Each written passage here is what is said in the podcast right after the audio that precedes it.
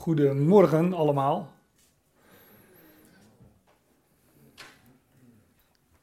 Ja, staat het goed ingesteld, uh, Ron? Mooi, mooi. Ja, allereerst uh, goed om, uh, om in jullie midden te zijn. Dat, dat was ik drie weken geleden ook. En ehm, ja, ik, ehm, ik heb altijd de gewoonte om uh, mijn uh, studies zelf op te nemen op zo'n audioapparaatje. En uh, hier ben ik een beetje verwend. Een beetje lui gemaakt. Want Jonathan die, die geeft mij altijd alles netjes mee naar huis. Op een USB-stick. Maar dat apparaatje gebruik ik ook altijd om te kijken hoe lang ik nou eigenlijk aan het spreken ben. En ehm, ja, dat had ik dus de vorige keer niet bij me. En uh, ik had ook niet op de klok gekeken, dat doe ik nu dus wel. Um, dus ik dacht, nou volgens mij heb ik wel een uur uh, gesproken. En toen kwam ik thuis en, uh, om alles te verwerken, audiobestand, videobestand.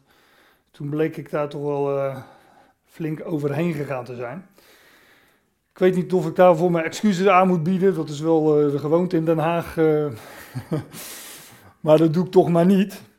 Maar ik ben, me wel, uh, ik ben wel van plan om, uh, nou, om het in ieder geval deze keer niet zo bond te gaan maken. Ik wil het met jullie uh, hebben over de geschiedenis van David in Adullam. Die zag ik net op het scherm staan, nu even niet. Die is donker en. Ja.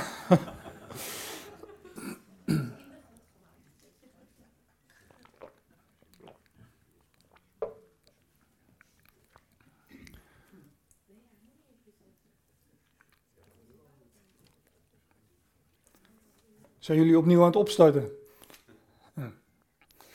Die, uh, die geschiedenis van, uh, dat is de geschiedenis van David in, uh, in Adullam, die, vind je, die vinden we in 1 Samuel 22. Daar staat het, ehm, bij mij in de Statenvertaling, de Bijbel die ik voor me heb liggen, staat het ook erboven. David in de spelonk van Adullam. En um, ja, dan vallen we een beetje midden in de geschiedenis van, uh, van David. David die uh, natuurlijk een belangrijke bijbelse figuur is. Hè. De geschiedenissen van David zijn uh, nogal uitgebreid. Vanaf het moment dat David gezalfd wordt als koning, hè, van, van tussen de schapen vandaan gehaald wordt om, om gezalfd te worden van de zonen van Isaïe wordt hij tot koning gezalfd, maar hij is dan uh, nog geen koning. Want koning Saul is dat, uh, op dat moment nog uh, de heerser in, in Israël. Nou, dat is een, een vrij uitgebreide geschiedenis, dat David nog geen koning is, maar wel de gezalfde. En um, vervolgens is hij koning, hè, dan, daar vinden we ook nog heel wat van beschreven tot aan zijn dood. En uh, ja, ik zou ook nog uh, naar de psalmen kunnen gaan natuurlijk, want de, de meeste psalmen zijn uh, natuurlijk ook nog eens van David. Dus we vinden, we hebben nogal wat uh, woorden en werken en geschiedenissen van, van David. Nou, we vallen een beetje midden in het verhaal en de timing dat, dat het scherm doet is perfect. Want ik, ik wil jullie even in vogelvlucht meenemen door het boek 1 Samuel tot aan hoofdstuk 22. In 1 Samuel 22, uh, 1 Samuel 9 vind je dus de geschiedenis van uh, Samuel die Saul zalft tot koning. Hè, de eerste koning van Israël. Dan, echt, het is in vogelvlucht, dat zei ik al. Uh, dan hoofdstuk 10 tot 15 de geschiedenis van Saul. En dan vervolgens in hoofdstuk 16 wordt David door Samuel tot koning gezalfd. En ik moet daarbij vermelden dat zalven in het Hebreeuws, dat woord kennen wij, dat is het woord Mashiach. En in het Grieks, kennen we dat ook, is dat Christus. De Christus, de Messias, dat is vertaald de gezalfde. In hoofdstuk 17, wellicht de bekendste geschiedenis van David, David en Goliath. Hoofdstuk 18, een, eh, een hoofdstuk dat spreekt over een eh, vriendschapsverbond tussen David en Jonathan. Waarbij, uh, opmer- um, daar kom ik zo ook nog op, over, op David en Jonathan. In hoofdstuk 19 wil Saul David doden. David die eh, ook op de harp speelde voor, voor koning Saul, hè, vanwege zijn gemoedstoestand. En ja, David vlucht dan. En vervolgens um, heeft hij nog wel contact met Jonathan. En vinden we dus in hoofdstuk 20 een verbond tussen David en Jonathan. En dan lees je ook dat David zich in die geschiedenis, heel uitgebreid hoofdstuk, heel, uh, hele lange geschiedenis. Maar David houdt zich twee dagen verborgen. En ik geloof dat er ook zoiets staat, dat, uh, dat hij op de derde dag zou verschijnen bij een steen. Hou die even in gedachten. Maar de, nou, nog even hoofdstuk 21, David en de toonbroden. Dan gaat David uh, naar de tabernakel. En ja, hij is als koning gezalfd, maar hij gedraagt zich daar als een priester door te eten van de toonbroden. Wat onder het oude verbond uh, gewoon niet mocht. Het koningschap en priesterschap stond los van elkaar. Nou, als ik uh, deze setting zo een beetje samenvat, dan gaat het over David, die een uitbeelding is, een type van de zoon van David. Petrus zegt ook in zijn toespraak in Handelingen 2, vers 30 is het, meen ik, dat David een profeet is. Dus uh, zijn woorden zijn profetisch, maar ook zijn, zijn handelen, zijn, zijn werken, ook die zijn profetisch. Die verwijzen allemaal naar de zoon van David. En hier is David de gezalfde als uitbeelding van de zoon van David, die de gezalfde is, de Messias, de Christus, maar nog niet regeert over Israël. Zijn koningschap over Israël uh, nog niet heeft geopenbaard, om het dan maar zo te zeggen. Hij is nog verborgen en hij is um, ja, in vernedering. En daar spreek, spreken deze geschiedenissen van, um, die we vinden vanaf het moment dat David gezalfd wordt tot aan zijn werkelijke uh, koningschap. En um, dan vinden we dus in hoofdstuk 22 dat David zich terugtrekt in een spelonk of een grot, genaamd Adullam. En ook die geschiedenis spreekt dus van, het, van de gezalfde, de zoon van David, die de gezalfde is, de Christus, maar verborgen. Hij heeft zich verborgen en hij, is geen, uh, hij heeft geen geopenbaard koninkrijk. Maar hij is wel overste niet over, uh, uh, niet in een geopenbaard koninkrijk of over Israël, of hoe je dat ook wilt zeggen, maar over een apart gezelschap daar verborgen in een spelonk in Adullam. En uh, nou, al die geschiedenissen uh, spreken daarover. En um, nou laat ik eerst die, uh, die versen die ik wil bespreken even lezen. Ik pak er nog een paar versen uit het vorige hoofdstuk bij. Dit is het uh, direct voorafgaande. En David stond op en hij vluchtte in die dag weg van het aangezicht van Saul.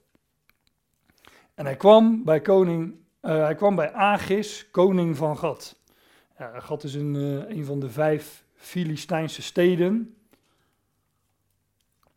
En um, ja, hier, um, hij komt dan bij die koning in Gad, bij die Filistijnse koning. En um, wellicht kennen jullie die geschiedenis ook. Maar daar, uh, daar doet David iets. Hij, uh, wat, wat, nou laat ik, het, uh, laat ik het zo zeggen. Hij, ja, ik vind het lastig om het te zeggen, want het, ik zou eigenlijk de geschiedenis moeten bespreken. En ik ben van plan dat nog een keer te doen, maar ik weet niet of ik dat hier ga doen. Maar meestal wordt er... Um, wordt het voorgesteld, en daar helpen de vertalingen ook nogal uh, uh, bij, dat David zich gedraagt als een gek.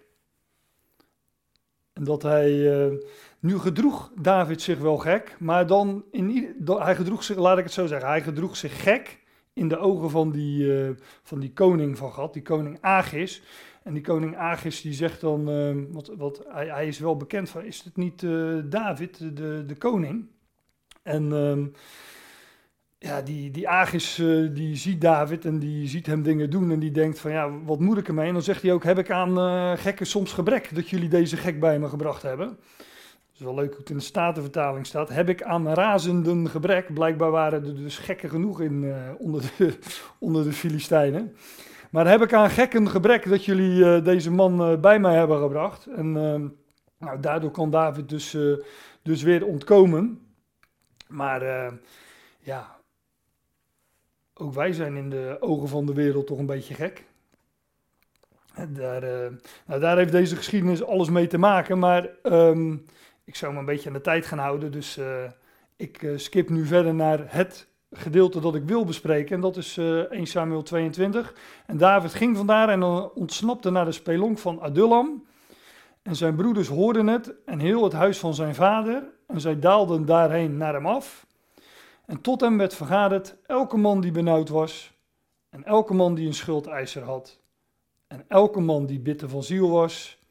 En hij werd over hen tot overste. En zij zijn met hem ongeveer 400 man. Nou, dit is het gedeelte dat ik ga bespreken, dus dat, uh, dat, is, uh, dat is vrij kort. Maar uh, toch ga ik snel verder, want er valt natuurlijk best, best iets over te zeggen. Anders had ik het niet uitgekozen als onderwerp voor, voor deze ochtend. David en David ging vandaar. Nou, dit, dit heb ik eigenlijk al gezegd. Hè. David is een profeet. En dat is hij in, in naam, woorden en werken. Ja, zelfs in zijn naam, want David, Davids naam, Dahoud, betekent de geliefde. En uh, nou ja, zodra we het Nieuwe Testament openslaan in de Evangelie, dan uh, uh, wordt daar plechtig door God verklaard dit is mijn zoon, de geliefde, in wie ik al mijn welwagen heb. En het is bij meerdere gelegenheden dat die woorden klinken, maar ook de zoon van David wordt de geliefde genoemd. Dus David is in zijn naam al een verwijzing naar de zoon van David. Maar in zijn woorden, hè, in de psalmen, dat is wat uh, Peters met name zegt in, in Handelingen 2. Hij haalt daar een paar psalmen aan en hij zegt, uh, ja, David heeft niet over zichzelf gesproken, maar hij zag vooruit naar degene die uit zijn uh, lendenen voort zou komen, namelijk uh, de Christus. Nou, en in zijn werken, hè, daarom bespreek ik deze geschiedenis, enzovoort. David is een profeet en alles wat hij zei en deed is ook profetisch en verwijst naar de zoon van David. En David ging vandaar. en hij ontsnapte naar de spelonk van Adullam. Ja, een spelonk is een, ehm, een rots. Een, eh, een holle rots, hè, een grot. En in de Bijbel vinden we nogal wat stenen, rotsen, bergen. Dus eigenlijk allemaal hetzelfde natuurlijk. Een berg is gewoon een, uh, een uit de kluiten gewassen steen of rots. Um, maar ik ken talloze geschiedenissen in de schrift die spreken van de rots. Waar de, de, een rots, een steen, uh, een steentje ook een, uh, een belangrijke rol speelt. Dit is helemaal een leuke, want dit is Jacob. Die, uh, die, heeft, die heeft zijn hoofd te rusten gelegd op een steen. En uh, dan, wordt, dan staat hij s'morgens vroeg op. Je ziet ook de zon daarachter die, die net opkomt. Dan zet hij die steen overeind en hij giet olie over die steen. Hij zalft die steen. Nou, ik zei zojuist al dat zalven in het Hebreeuws Mashiach is. Dus Jacob legt zijn hoofd te rusten op een steen. En de steen, dat, is trouwens, dat staat letterlijk in 1 Korinthe 10, de steenrots is Christus. Representeert Christus. Dus alle stenen, rotsen enzovoorts in de schrift spreken van hem, van, de, van, van Christus. Die steen van Jacob dus bijvoorbeeld, die hij ook nog eens overeind zette, hè, een beeld van opstanding. En daar olie overheen gegoten en, uh, en daar, die steen daar, daarmee ook tot Messias zalfde. Nou, dit is David, die uh, zoekt steentjes in de beek vijf steentjes, want hij had er eh, niet omdat hij vier keer miste, maar omdat hij wist dat de vijf ook een betekenis heeft. Daarom nam hij vijf stenen en hij versloeg daarmee de tegenstander. En natuurlijk is hij daarin een beeld van de zoon van David die de tegenstander verslaat.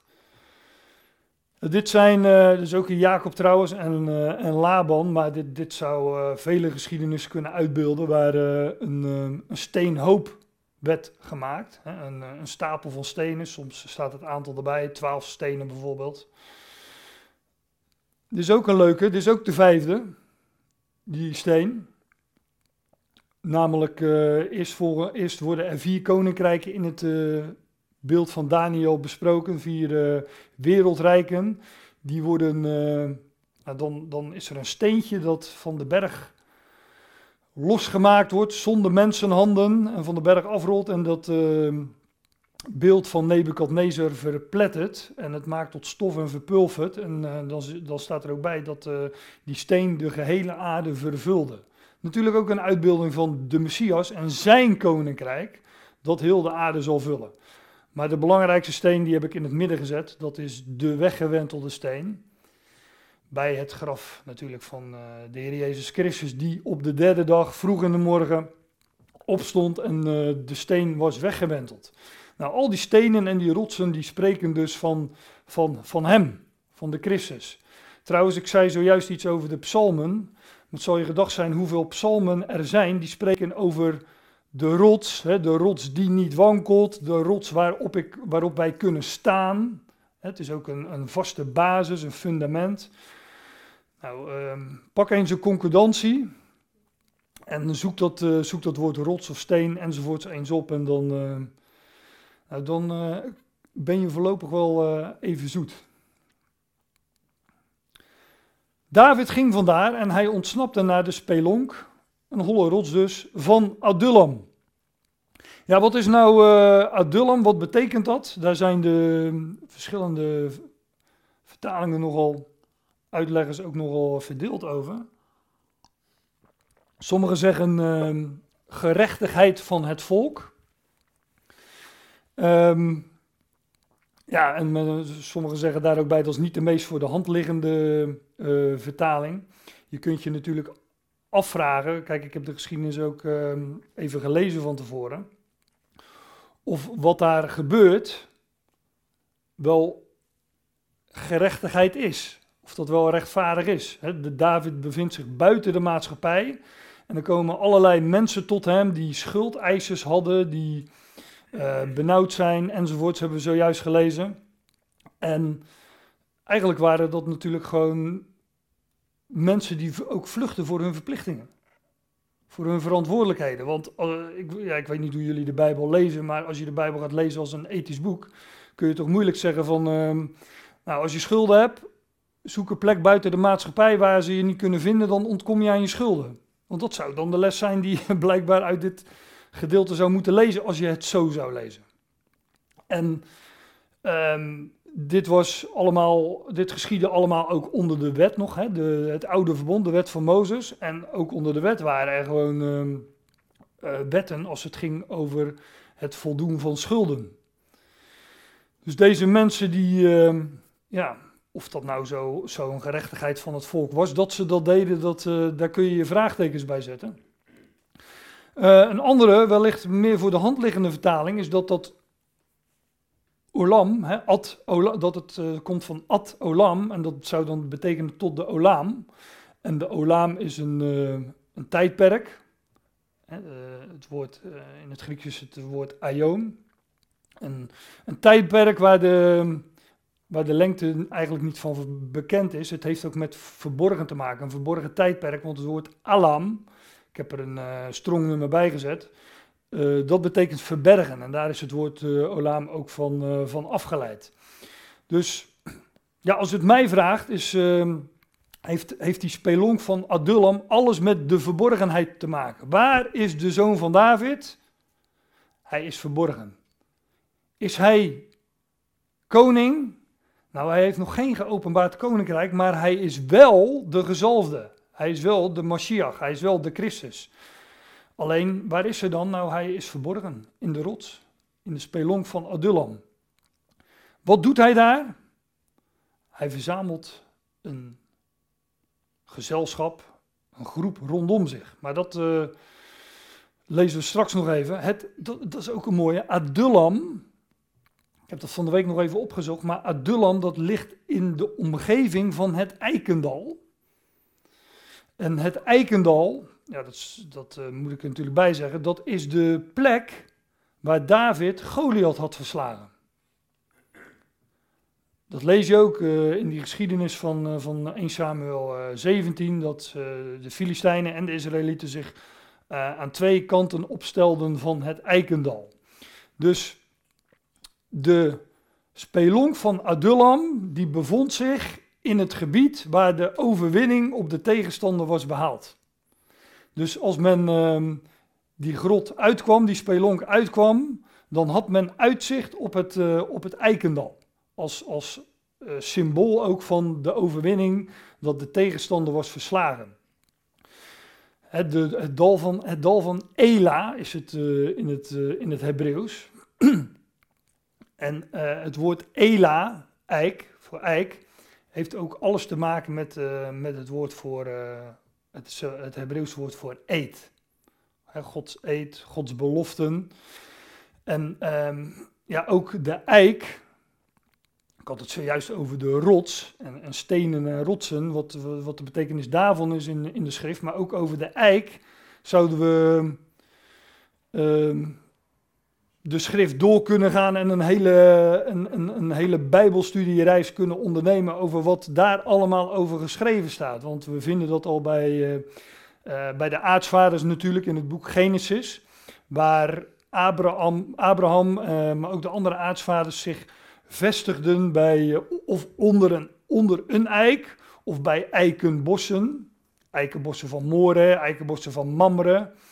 Um, dus die eik, die boom die heeft alles met uh, Gods beloften te maken. Hè? Gods eed, Gods beloften. En um, vandaar dat, uh, dat Abraham daar ook ging wonen als symbool van Gods belofte. Terebintendal wordt er dan weer in de, in de, bijvoorbeeld in de MBG uh, eh, genoemd. Hoe de herziene statenvertaling het heeft, weet ik niet. in, de, in, de, in de statenvertaling heet het Eikendal en in de MBG die van veel latere datum is, heet het terebintendal. Maar volgens mij zou je meer uit moeten leggen, wat is een terebind? Um, dat vergt meer uitleg dan de vraag van wat is een eik? Maar ja, dat terzijde. Maar dat is dus de, die eik, die, die spreekt van Gods beloften. En ook de vrucht van de eik, de eikel, die heeft ook weer alles met, um, met Gods beloften te maken. Want toen Abraham Gods beloften ontving, kreeg hij als zegel daarvan, als bevestiging daarvan, het teken van de besnijdenis. En uh, ja, de eik en de eikel heeft dus alles met dat teken van de besnijdenis uh, te maken. En ik heb er een plaatje bij gedaan en uh, ik hoop dat ik daar verder niet uh, te veel uitleg over hoef te geven. Want dan krijg ik altijd een rood hoofd natuurlijk. En, nou, over de bloemetjes en de bijtjes hebben we het wel een andere keer. Maar bij de besnijdenis wordt het vlees weggenomen. Hè? De voorhuid wordt weggenomen. En wat dan, uh, ja, wat dan zichtbaar wordt, dat ziet er uh, ongeveer zo uit als op dit plaatje. Die overeenkomst is daar niet voor niks. En het, uh, dat, dat deel van het mannelijk geslacht heet ook de eikel. En dat, die vrucht die aan de bomen hangt, die aan die boom hangt, aan die eikenbomen, dat is dus ook de eikel. Nou, dat spreekt van Gods beloften. Um, en ehm, ja, die vinden we door heel de schrift. En ook hier, uh, Adullam, die, dat was in de omgeving van dat eikendal waar de overwinning was behaald. En uh, de eik en de eikel, alles, alles spreekt van Gods beloften en van de overwinning op de dood. Hij ontsnapte naar de spelonk van Adullam en zijn broeders hoorden het. En heel het huis van zijn vader, het is moederdag, dus ik zeg, nou, daar zal de moeder ook wel uh, bij geweest zijn. Heb ik toch nog een bruggetje naar moederdag gemaakt. Zijn broeders hoorden het en heel het huis van zijn vader en zij daalden daarheen naar hem af. Ja, ongetwijfeld was zijn familie ook in gevaar vanwege David, want David was natuurlijk op, uh, op de vlucht voor Saul. En uh, um, ja, zijn, uh, zijn broeders en, en, en heel het huis van zijn vader, heel zijn familie, zij daalden daarheen naar hem af. En tot hem werd vergaderd Elke man die benauwd was, elke man die een schuldeiser had en elke man die bitter van ziel was. Ja, dat benauwdheid, schuldeiser, bitter. Ja, ik heb al die woorden eens opgezocht van de week. Maar zijn allemaal ook, uh, hebben allemaal ook betrekking ook op de wet, hè, het oude verbond. Een uh, juk dat wij nog onze ouders hebben kunnen dragen, zegt Petrus uh, ergens in het Nieuwe Testament. Maar de wet legt ook schuld op, want een mens komt altijd tekort. Je moet dit en je zal niet dat. Maar de mens kan daar niet aan voldoen, dus hij heeft een schuld. En bitter, hè, het is bitter, de wet veroordeelt, het is een bediening des doods, zegt Paulus in, in 2 Korinthe 3. Ik ken overigens ook een geschiedenis um, bij Mozes dat het volk Israël door de woestijn reisde, dat zij water vonden, maar dat water was bitter, Mara. Het was ook bij, uh, en ze noemden die plaats ook Mara. Maar dat water werd zoet omdat er een hout ingegooid wordt. En dat is natuurlijk ook een, uh, een geschiedenis met een schitterende betekenis. Maar uh, hier staat ook het woord, trouwens voor bitter, staat ook het woord Mara.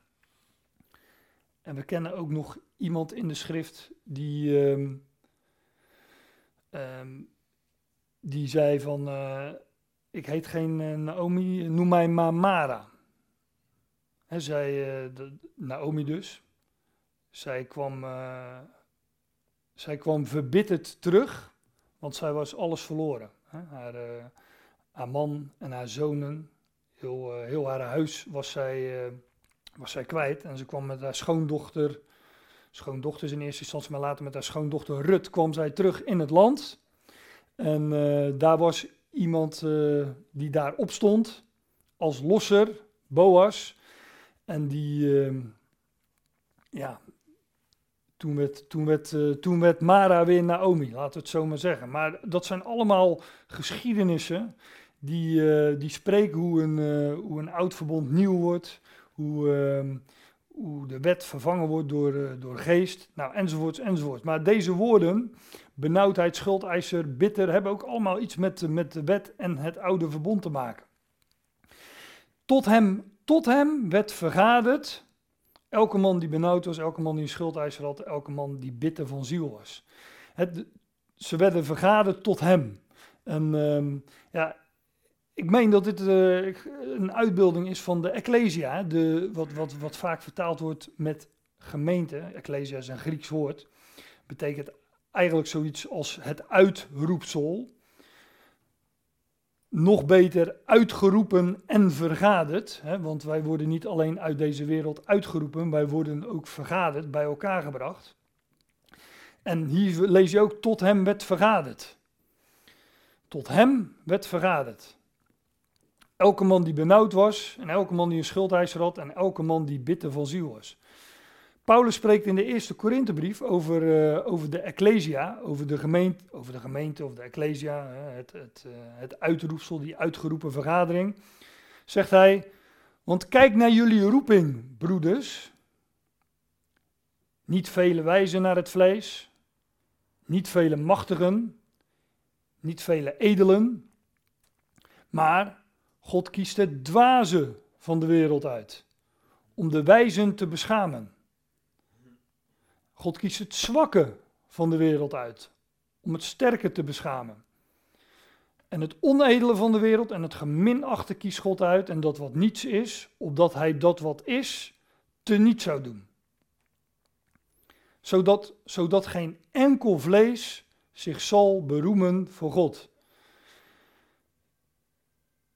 wat daar in Adullam verzameld werd, wat bijeen werd vergaderd rondom David, is een uitbeelding van, van de Ecclesia van ons. Die, um, nou, naar ons, wij, wij zijn ook geroepen, wij zijn ook bijeen vergaderd, uitgeroepen uit de wereld en bijeen vergaderd in hem.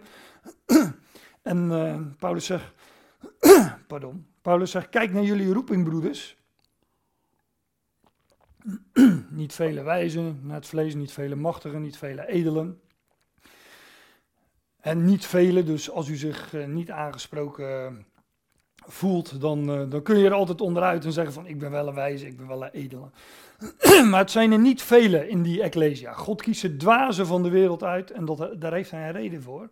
Om die, die menselijke wijsheid te beschamen. Hij, hij, hij, zet, hij, hij zet alles op zijn plek.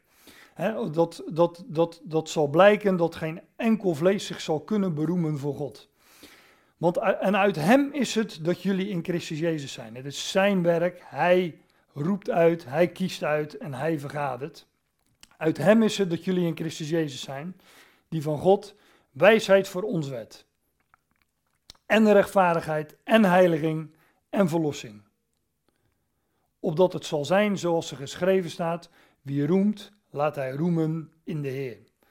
Ja, Paulus die, ehm, die geeft hier elke keer een, een, een samenvatting, hè, opdat geen vlees zal roemen. Dat is uh, waarom God de wijsheid van deze, waarom God het dwaze van deze wereld uitkiest, namelijk om het wijze van deze wereld te beschamen. Hij kiest het zwakke uit om het sterke van deze wereld te beschamen.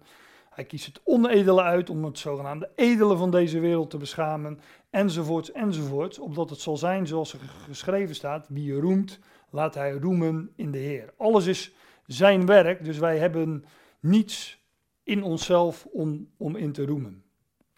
En ja, dat zijn wij als uh, Ecclesia. En um, dat is ook wat uh, daarbij één wordt geroepen, tot hem met vergaderd. Elke man die benauwd was, elke man die een schuldeiser had en elke man die bitter van ziel was. Ziet u de overeenkomsten tussen het rijtje in uh, eh, 1 Samuel 22 en het rijtje van Paulus in, uh, in 1 Korinthe 1? Ja, dan staat erbij in uh, 1 Samuel 22, en hij werd over hen tot overste.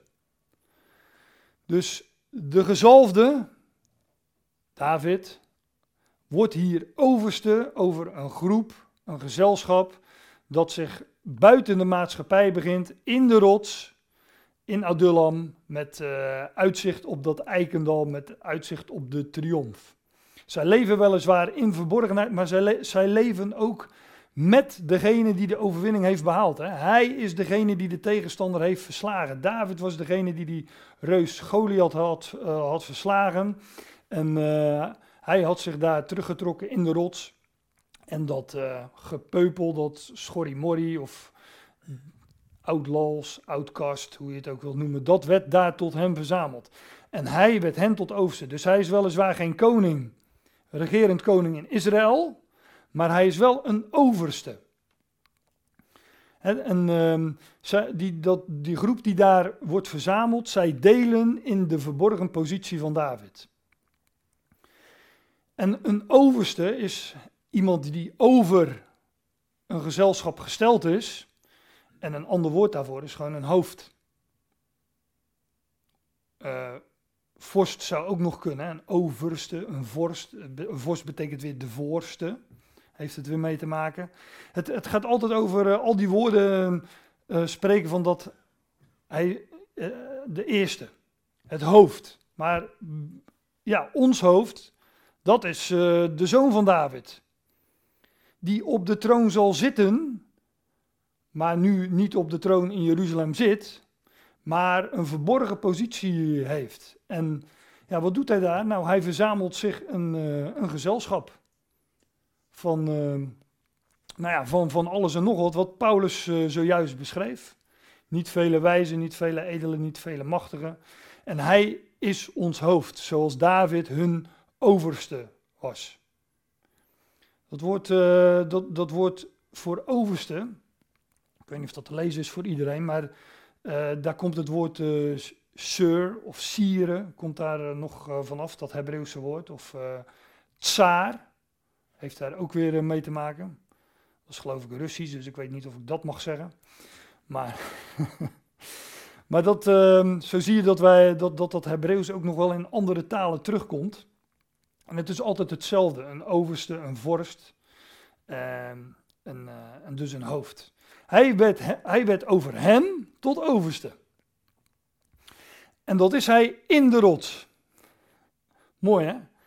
En uh, ja, ik heb het vers, uh, eigenlijk, bedenk me nu, ik had het vers er eigenlijk bij af moeten drukken. Maar in 1 Corinthians 10, wordt, wordt, daar gaat het dan over Mozes en de reis door de woestijn. En dat er een, uh, een rots was waar water uit voortkwam. Daar had ik ook nog een plaatje van, van kunnen geven in die dia.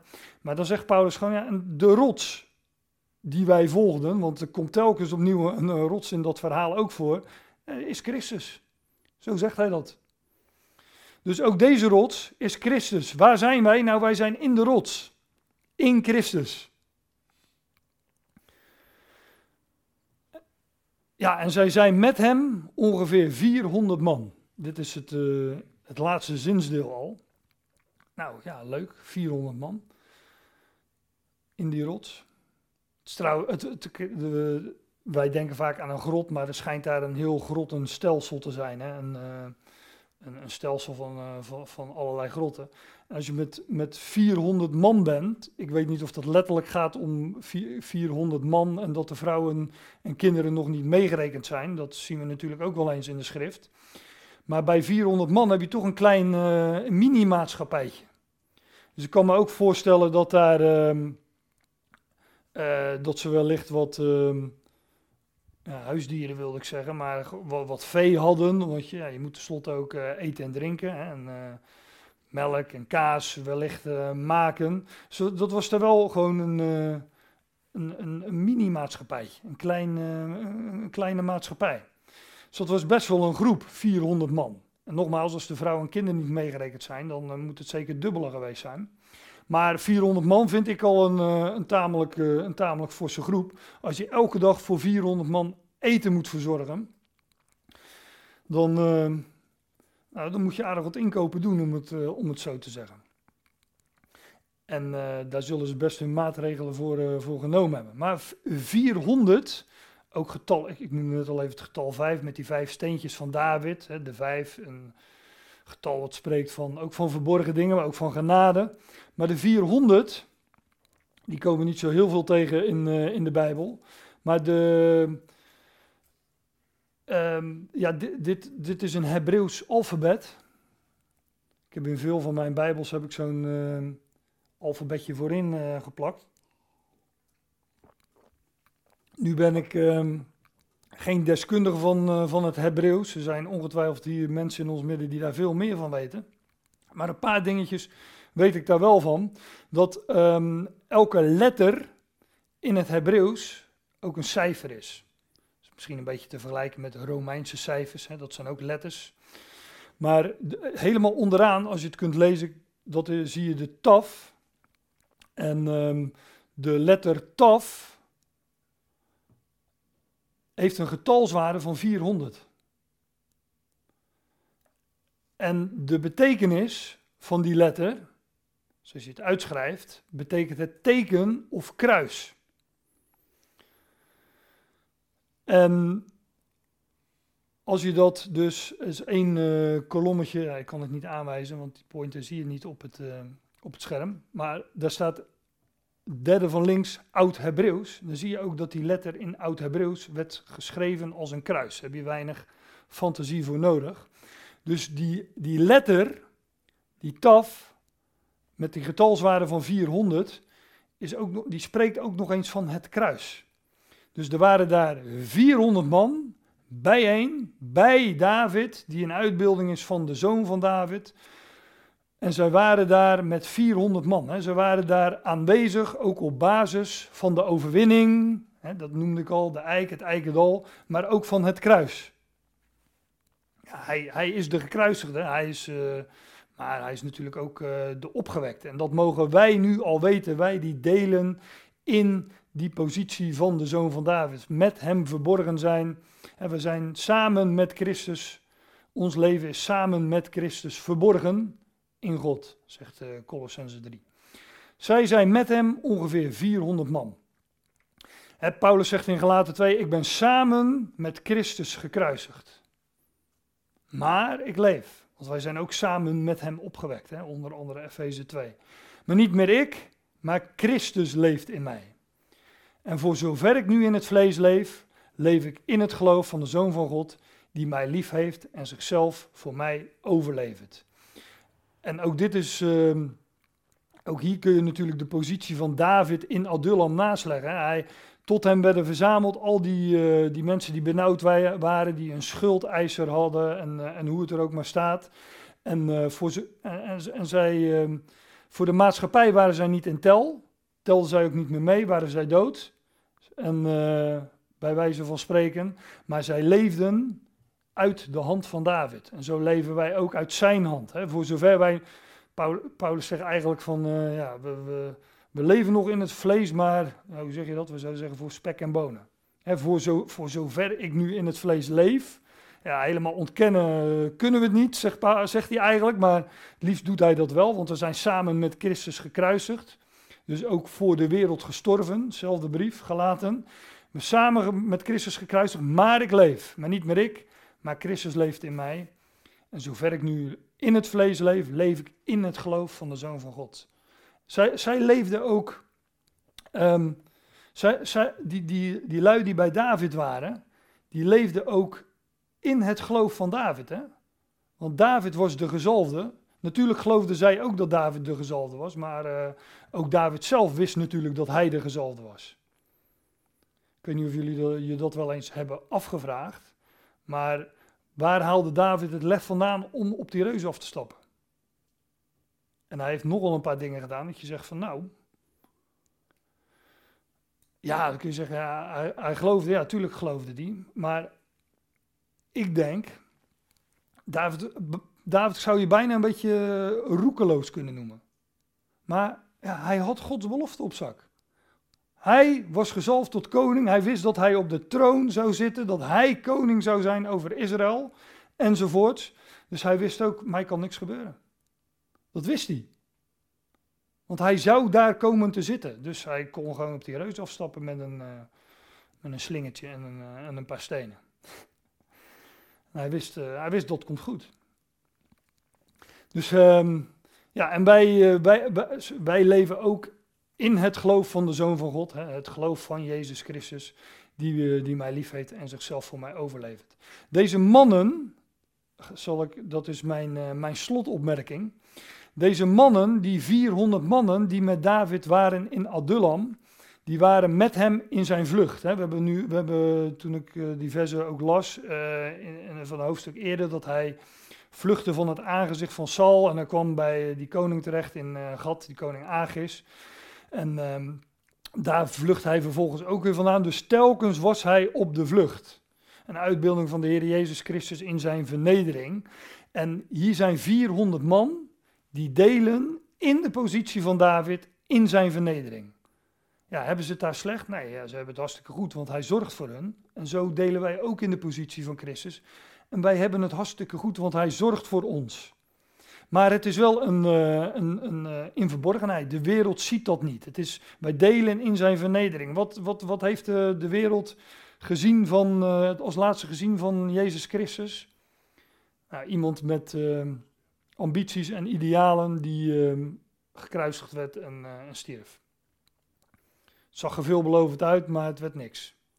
Maar wij weten, hij is de opgewekte en wij delen, wij delen nu in die positie die hij ook voor de wereld heeft. Maar straks zullen wij delen in zijn heerlijkheid. En dat lees je ook van die mannen, die 400 in Adullam.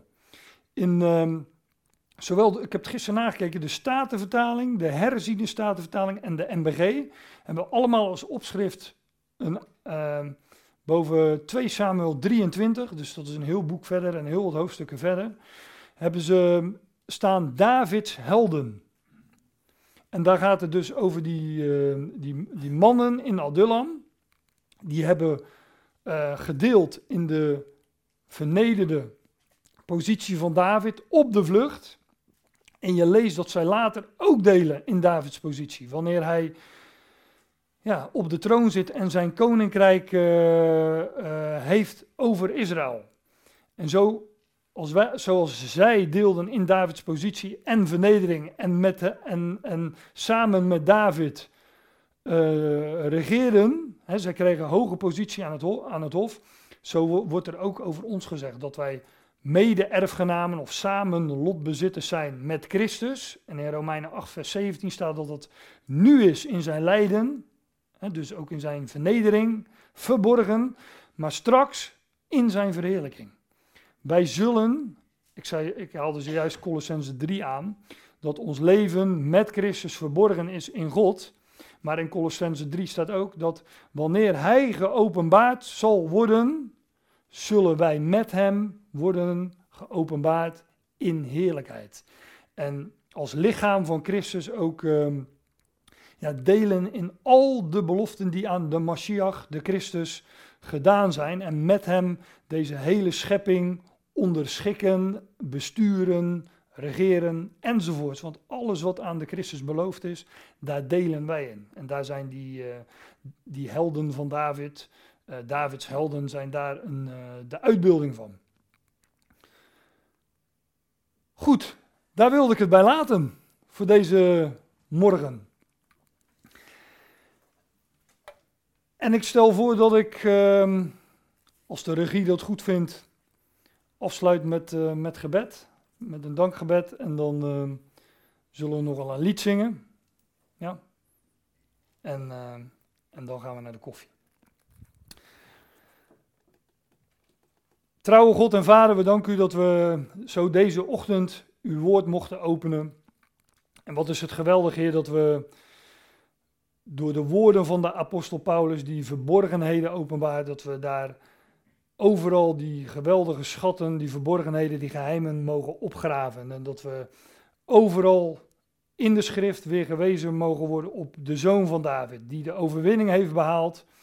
En, waar we, en die zich nu een, een volk verzamelt voor zijn naam, Heer. En we danken u dat wij uitgenade tot hem mogen behoren. Dat u ons uh, bijeen vergadert als zijn lichaam. Heer, we danken u voor uh, dat u ons daarvoor verlichte ogen geeft. Heer, en uh, verlichte ogen van het hart. En we danken u dat we daar uh, steeds meer besef van mogen krijgen door dat geweldige levende woord te mogen bestuderen. Heer, en we danken u dat u dat we ook mogen weten vanuit dat woord dat u een, plan heeft met Israël, met de volkeren. En dat u, wat is een geweldige genade, dat u ons ook daarin zal gebruiken als het lichaam van Christus. Heer, we danken u voor zoveel genade en we danken u dat u ons steeds weer bemoedigt en verheugt met uw woord. En dat we daar steeds weer door opgebouwd mogen worden. Heer, we danken u voor deze ochtend. We danken u dat we zo elkaar mochten ontmoeten. En we bevelen ook elkaar bij u aan als we straks weer onze eigen weg gaan. En